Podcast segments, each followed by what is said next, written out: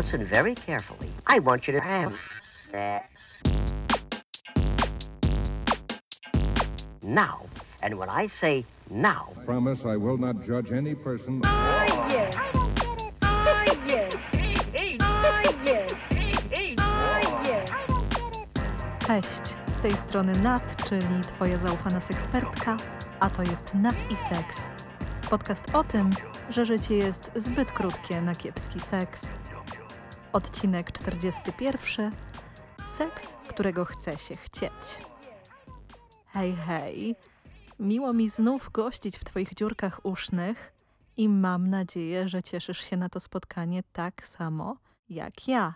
Dziś porozmawiamy o seksie, którego chce się chcieć. Jest to stwierdzenie, które często pojawia się w mojej komunikacji dotyczącej seksualności, przyjemności seksualnej i pomyślałam, że warto skorzystać z okazji, aby wyjaśnić, co właściwie mam na myśli, mówiąc o seksie, którego chce się chcieć.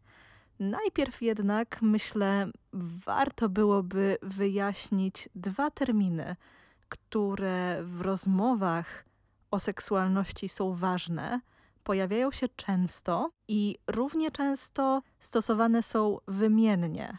Tymi terminami są podniecenie i pożądanie. I jak już wspomniałam, pomimo tego, że stosuje się je wymiennie, to niekoniecznie są one tożsame, czyli oznaczają różne rzeczy. Podniecenie seksualne to po prostu zespół reakcji fizjologicznych naszego organizmu, pewne pobudzenie, które pojawia się wtedy, kiedy mamy gotowość do seksu, ale nie tylko, ponieważ fizyczne oznaki podniecenia mogą pojawiać się również w sytuacjach zwiększonego napięcia. I te reakcje fizjologiczne to ukrwienie genitaliów, szybsze krążenie krwi, spłycenie oddechu. W przypadku osób z pochwą może to być też zwiększenie lubrykacji pochwy. Podniecenie, myślę, że trzeba to podkreślić, nie jest tożsame z pożądaniem. Podniecenie zazwyczaj pozostaje poza naszą kontrolą, czyli poza kontrolą osoby, która go doświadcza i jako reakcja może pojawić się zarówno w tych sytuacjach, kiedy jakiś kontakt seksuerotyczny jest pożądany, jak i wtedy, gdy jest on niepożądany, niechciany. I wówczas mówimy o tym, że reakcja fizjologiczna nie przystaje do tego, czego w danej chwili pragniemy. Jeżeli zaś chodzi o pożądanie, to pożądanie seksualne jest świadomym, aktywnym zainteresowaniem aktywnością seksualną w konkretnym towarzystwie lub solo. Może ono występować spontanicznie lub dopiero w wyniku jakiejś stymulacji. Tutaj w tym przypadku mówimy o tak zwanym pożądaniu responsywnym czy reaktywnym, które rozpropagowała w dyskursie seksuologicznym Emily Nagoski. W swojej książce Ona ma siłę. Swoją drogą bardzo polecam te publikacje, dlatego że obecnie doczekała się ona po ponad sześciu latach drugiego uzupełnionego wydania i trochę się w tej publikacji pozmieniało. Między innymi, co wzbudziło moją serdeczną radość, pojawiło się właśnie pojęcie seksu, którego chce się chcieć i myślę, że jest to fascynujący zbieg okoliczności. Wracając jednak do pożądania. Często jest ono błędnie nazywane popędem, co przyrównuje je do takich podstawowych potrzeb ludzkich jak chęć zaspokojenia głodu, chęć zaspokojenia pragnienia, kiedy chce nam się pić, czy odpoczynku, kiedy odczuwamy zmęczenie. Jest więc czymś, w takim ujęciu, co teoretycznie jest nam niezbędne do życia, niezbędne, aby przeżyć. Najprościej mówiąc jednak, z braku zaspokojenia seksualnego jeszcze nikt nie umarł, natomiast z braku pożywienia czy deprywacji snu jak najbardziej. I nie mówię tego bynajmniej, aby umniejszyć znaczeniu potrzeb seksualnych w naszym życiu. Bynajmniej. W przeciwnym razie nie poświęciłabym temu tematowi ponad dekady, pomagając innym czerpać większą radość z ich życia seksualnego. Seks jest natomiast nie tyle popędem, co pragnieniem o różnym stopniu nasilenia lub niewystępującym w ogóle w przypadku osób aseksualnych. Okazuje się jednak, że to nie występowanie pożądania jest kluczowe, jeżeli chodzi o satysfakcję seksualną, bo fakt, że pojawia się podniecenie i pożądanie seksualne, to dla wielu osób nadal za mało. Potrzebne im jest coś jeszcze, mianowicie ekscytacja. Coś, co sprawi, że ciało i głowa znajdą się w jednym miejscu w oczekiwaniu na rozkosz. I to jest główny temat, którym chciałabym się dziś zająć, czyli seks, którego chce się chcieć. I mówiąc zupełnie otwarcie, to ty wiesz, jakiego seksu chciałoby ci się chcieć. Nie jestem w stanie stwierdzić tego ja, nie są w stanie zaprogramować tego przekazy medialne czy wzorce, które widujemy w filmach. To ty wiesz, czy obecnie masz warunki, aby priorytetować seks w swoim życiu.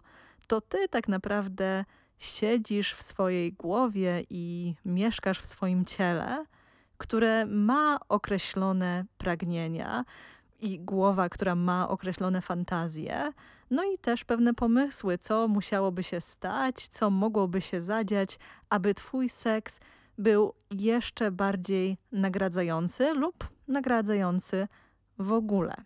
W swojej pracy często spotykam się z tematem tak zwanego niskiego libido i muszę przyznać, że to, co nazywamy niskim libido, często jest efektem rozczarowujących doświadczeń seksualnych. I nie oznacza wcale, że na poziomie fizjologii, emocji, ciała coś jest z osobą uskarżającą się na niskie libido nie tak. Dlatego, że naprawdę często okazuje się, że te osoby, które albo same obserwują u siebie spadek libido, niechęć do seksu, pragną seksu tylko niekoniecznie takiego seksu, który jest im proponowany. Nie przepadają za tym, co mają, najprościej rzecz ujmując, w swojej sypialni. I żeby uprościć te informacje, żeby uprościć ten przekaz, to trochę tak, jakby mieć ochotę na czekoladę, ale próbować to pragnienie zaspokoić najpierw waflem ryżowym, potem jabłkiem i popić szklanką wody. Poczucie niedosytu na pewno pozostanie, pomimo dostarczenia swojemu organizmowi nawet więcej pod względem ilości. Po prostu w takim podejściu brakuje esencji, którą ma w sobie nasza metaforyczna czekolada. Z seksem bywa bardzo podobnie. Nawet wtedy, gdy jest go dużo, niekoniecznie pozwala nam na seksoerotyczne nasycenie. I kiedy ten niedosyt występuje często, pojawia się często, możemy stracić zainteresowanie kontaktem seksualnym, bo nie będzie to seks, którego chce nam się chcieć. Osoby, z którymi pracuję, często mają swoje pomysły na rozwiązanie, poprawienie tej sytuacji. Są święcie przekonane, że seksu zacznie im się chcieć, na przykład wtedy, gdy to druga strona zacznie inicjować seks, gdy założy ładniejszą bieliznę, gdy przyniesie do łóżka kajdanki, albo zgodzi się wreszcie na trójkąt. I żeby nie było, te pragnienia są całkowicie ważne i prawdziwe, i jest okej okay pragnąć tego typu rzeczy, tego typu urozmaiceń. Natomiast gwarantuję, że gdy problem tkwi nieco głębiej, na przykład w dynamice relacji, czy poczuciu, że nasz seks mnie nie nagradza, nie nasyca mnie tak, jak tego potrzebuję, czyli metaforycznych próbach zaspokajania apetytu na czekoladę jabłkiem, to powyższe w cudzysłowie gadżety mm, niewiele zmienią na dłuższą metę. I żeby nie było, często kwestia seksu, którego chce się chcieć i rozpoznania swoich pragnień i potrzeb bywa trudna o tyle, że część osób nie ma jeszcze dostępu do tej części siebie, która podpowiedziałaby im, co sprawiłoby, że zachciałoby im się chcieć seksu. Nie mają dostępu do swoich rząd, do swoich pragnień. Mm, być może mają mały seksoerotyczny kapitał, na przykład nie poszukiwały wcześniej inspiracji mm, i nie poszukiwały wcześniej jakichś doświadczeń lub mają na ich temat dość negatywne przekonania, czyli jeszcze nie mają w sobie pozwolenia, aby eksplorować ten obszar. Natomiast jest to coś, co jak najbardziej można przepracować solo albo w towarzystwie. Natomiast jeżeli chodzi o kwestie relacji i tych relacji, w których pojawiają się różne pomysły na poprawienie życia seksualnego, na stworzenie seksu, którego chce się chcieć, to myślę, że w tej sytuacji zamiast skupiać się na owych gadżetach, znacznie lepszą, znacznie lepszym wyjściem jest postawienie sobie pytania o to, czy mamy gotowość, aby wziąć odpowiedzialność za nasze życie seksualne, wysłuchać drugiej osoby, wsłuchać się w siebie, pochylić się nad potrzebami i pragnieniami zarówno własnymi, jak i drugiej strony. Czasem wiąże się to z koniecznością dosłownie wyzerowania życia erotycznego i powrotu do początków, czyli wtedy, kiedy jeszcze seks w danym układzie, w danym towarzystwie był dla nas nowością, gdy jeszcze byliśmy czy byłyśmy na etapie testowania wód. I oczywiście to też kwestia pytania, czy mamy w sobie gotowość, aby zaangażować się w tę mało seksowną rzecz, jaką jest rozmowa, oraz danie i otrzymanie feedbacku. I mówię o tym nie bez powodu, dlatego że podjęcie tego tematu często wiąże się dla wielu osób z pewną niewygodą, z ogromną trudnością, dlatego że nie mają wykształconej umiejętności rozmawiania o seksie nie mają może słownictwa, obawiają się, że sama próba podjęcia tego tematu zakończy się jakimś konfliktem, awanturą, czyli pogorszy sytuację, która i tak już jest niewesoła. W takiej sytuacji mogę doradzić jedynie albo sprawdzenie, czy jestem w stanie dokonać w sobie samodzielnie takich zmian, które umożliwią mi komunikację i aby Ci w tym pomóc, podlinkuję artykuł o tym, jak zacząć rozmawiać o seksie. Czasem jednak może być to na tyle trudne, że trzeba będzie zrobić to w towarzystwie, na przykład podczas konsultacji czy podczas procesu terapeutycznego. I od razu mówię, że często zdarza mi się pracować z osobami, które przychodzą na jedną, dwie sesje, po to, aby w bezpiecznych warunkach zacząć dialog, zacząć tę komunikację. I myślę, że jest to postawa naprawdę godna naśladowania. Aby jednak ułatwić ci kwestię eksplorowania seksu, którego chce się chcieć, przygotowałam dla ciebie kilka propozycji, które być może pomogą ci rozpocząć rozmyślania na ten temat i pierwszą z nich byłoby zastanowienie się, na czym opiera się Twój seks, którego chce się chcieć. Czy może bazuje na dużych dawkach adrenaliny, a może opiera się na powolnej celebracji? Zapytaj siebie, jaki seks byłby dla ciebie wart zachodu. Jak dużo masz w sobie determinacji, aby go kreować? bo myślę, że determinacja i motywacja są tutaj bardzo ważne. A kolejnym pomocnym pytaniem będzie, jak chcesz się podczas tego seksu czuć, czyli czego chcesz podczas niego doświadczać ze strony drugiej osoby, ale też co jest Tobie w tej sytuacji najbardziej potrzebne. być może okaże się, że jest to ogromna potrzeba bycia zauważonym, zauważoną, poczucie, że druga strona odpowiada na nasze potrzeby, jest w nie całkowicie zaangażowana, że podchodzimy do tego spotkania z zaciekawieniem i też ogromnym entuzjazmem. Być może w procesie tych refleksji uda ci się też namierzyć jakieś zewnętrzne przeszkody, które stoją między tobą a pożądaniem, lub które stoją między tobą a seksem, którego chce się chcieć.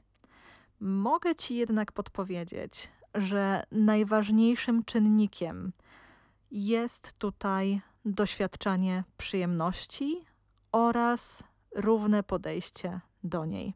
I od razu dodam, że w przyjemności wcale nie chodzi o usilne dostosowanie swoich doznań czy oczekiwań do tego, co się nam oferuje, i to nazwałabym e, takim uczeniem się czerpania przyjemności z konkretnych aktów seksualnych, czyli taką grą w zadowolenie. I pozwól, że wrócę do metafory jabłka, bo jakkolwiek byłoby pyszne w konkretnych okolicznościach, nadal nie będzie czekoladą. Czyli to oznacza, że obcując z tym seksem, który masz, nadal możesz mieć poczucie niedosytu, mm, pewnego braku esencji, której w tym momencie potrzebujesz. Chodzi mi też o zainteresowanie się aktywnym, proaktywnym poszukiwaniem przyjemności, zarówno solo, jak i w relacji. Tutaj na przykład odesłałabym Cię do piątego odcinka podcastu, w którym podpowiadam, jak mapować przyjemność. Jest to, myślę, jeden z najpopularniejszych odcinków, do którego wiele osób wraca, dlatego że jest on nie tylko edukacyjny, ale zawiera też element praktyczny, takiej autoerotycznej medytacji więc jeżeli masz ochotę spróbować, bardzo, bardzo Cię do tego zachęcam. Jeżeli zaś chodzi o równe podejście do przyjemności, to jest to taka postawa, w której czyjaś przyjemność nie jest komunikowana i realizowana jako ważniejsza. Czyli jeszcze raz, nie chodzi o podejście typu orgazm za orgazm, tylko o otwartość na to, że moja przyjemność, jak i Twoja przyjemność jest w naszym kontakcie równie ważna i obydwie strony mogą mieć różne drogi, różne pomysły na to, jak jej doświadczyć, więc będzie się to wiązało z koniecznością znalezienia pewnych dróg, jak do tego doprowadzić. I od razu mówię, że nie zawsze będzie to w cudzysłowie tradycyjny seks, nie zawsze będą to tradycyjne drogi, bo przyjemnością nie zawsze jest orgazm. Bardzo często nie jest to orgazm.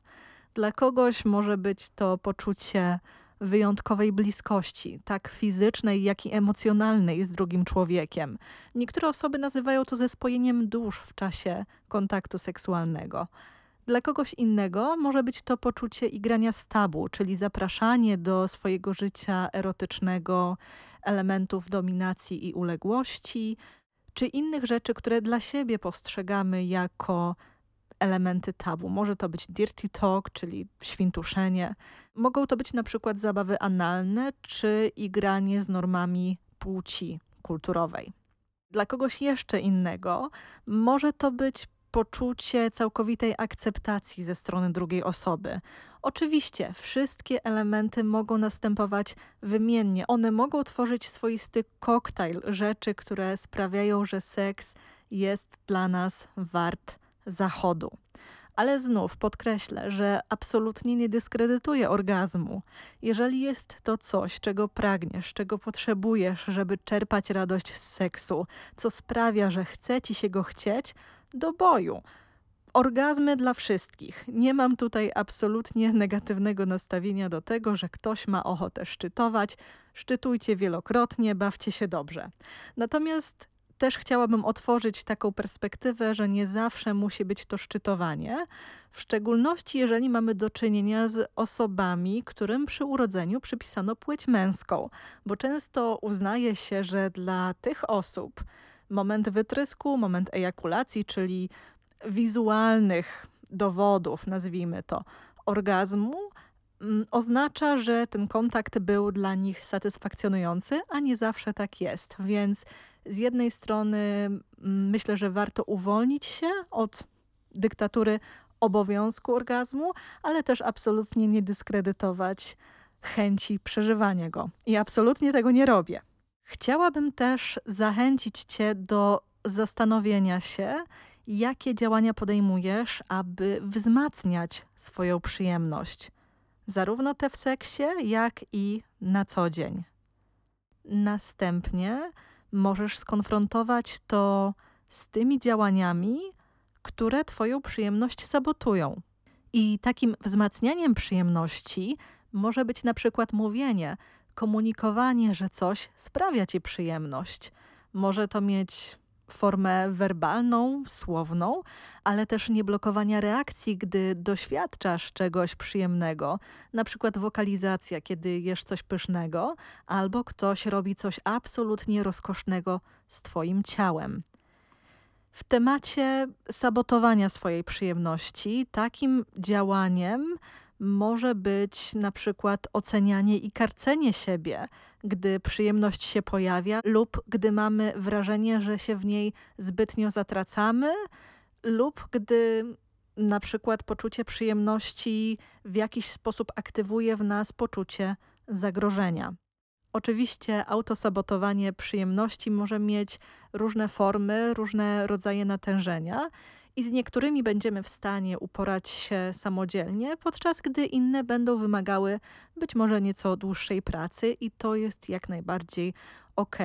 Jako kultura i jako ludzie mamy różne doświadczenia, różne przekazy związane z przyjemnością, więc myślę, że warto zawsze podejmować działania na jej rzecz, a nie takie, które działają przeciwko przyjemności.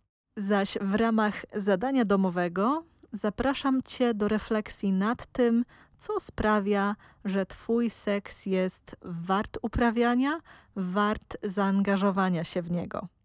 Jeżeli podejdziesz do tego zagadnienia z otwartością i zaciekawieniem, gwarantuję, że odpowiedź może Cię zaskoczyć. I to by było na tyle w temacie seksu, którego chce się chcieć.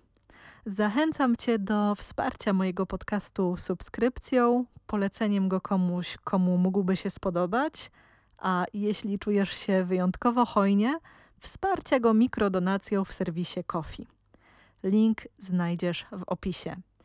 Przypominam też, że możesz skontaktować się ze mną w sprawie podcastu pod adresem sexcast.małpa.proseksualna.pl i aby ułatwić Ci to zadanie, adres również czeka na Ciebie w opisie. Mam nadzieję, że wysłuchanie tego odcinka było dla Ciebie równie przyjemne, co dla mnie jego nagrywanie. I mam nadzieję do usłyszenia już wkrótce. Trzymaj się ciepło. Pa!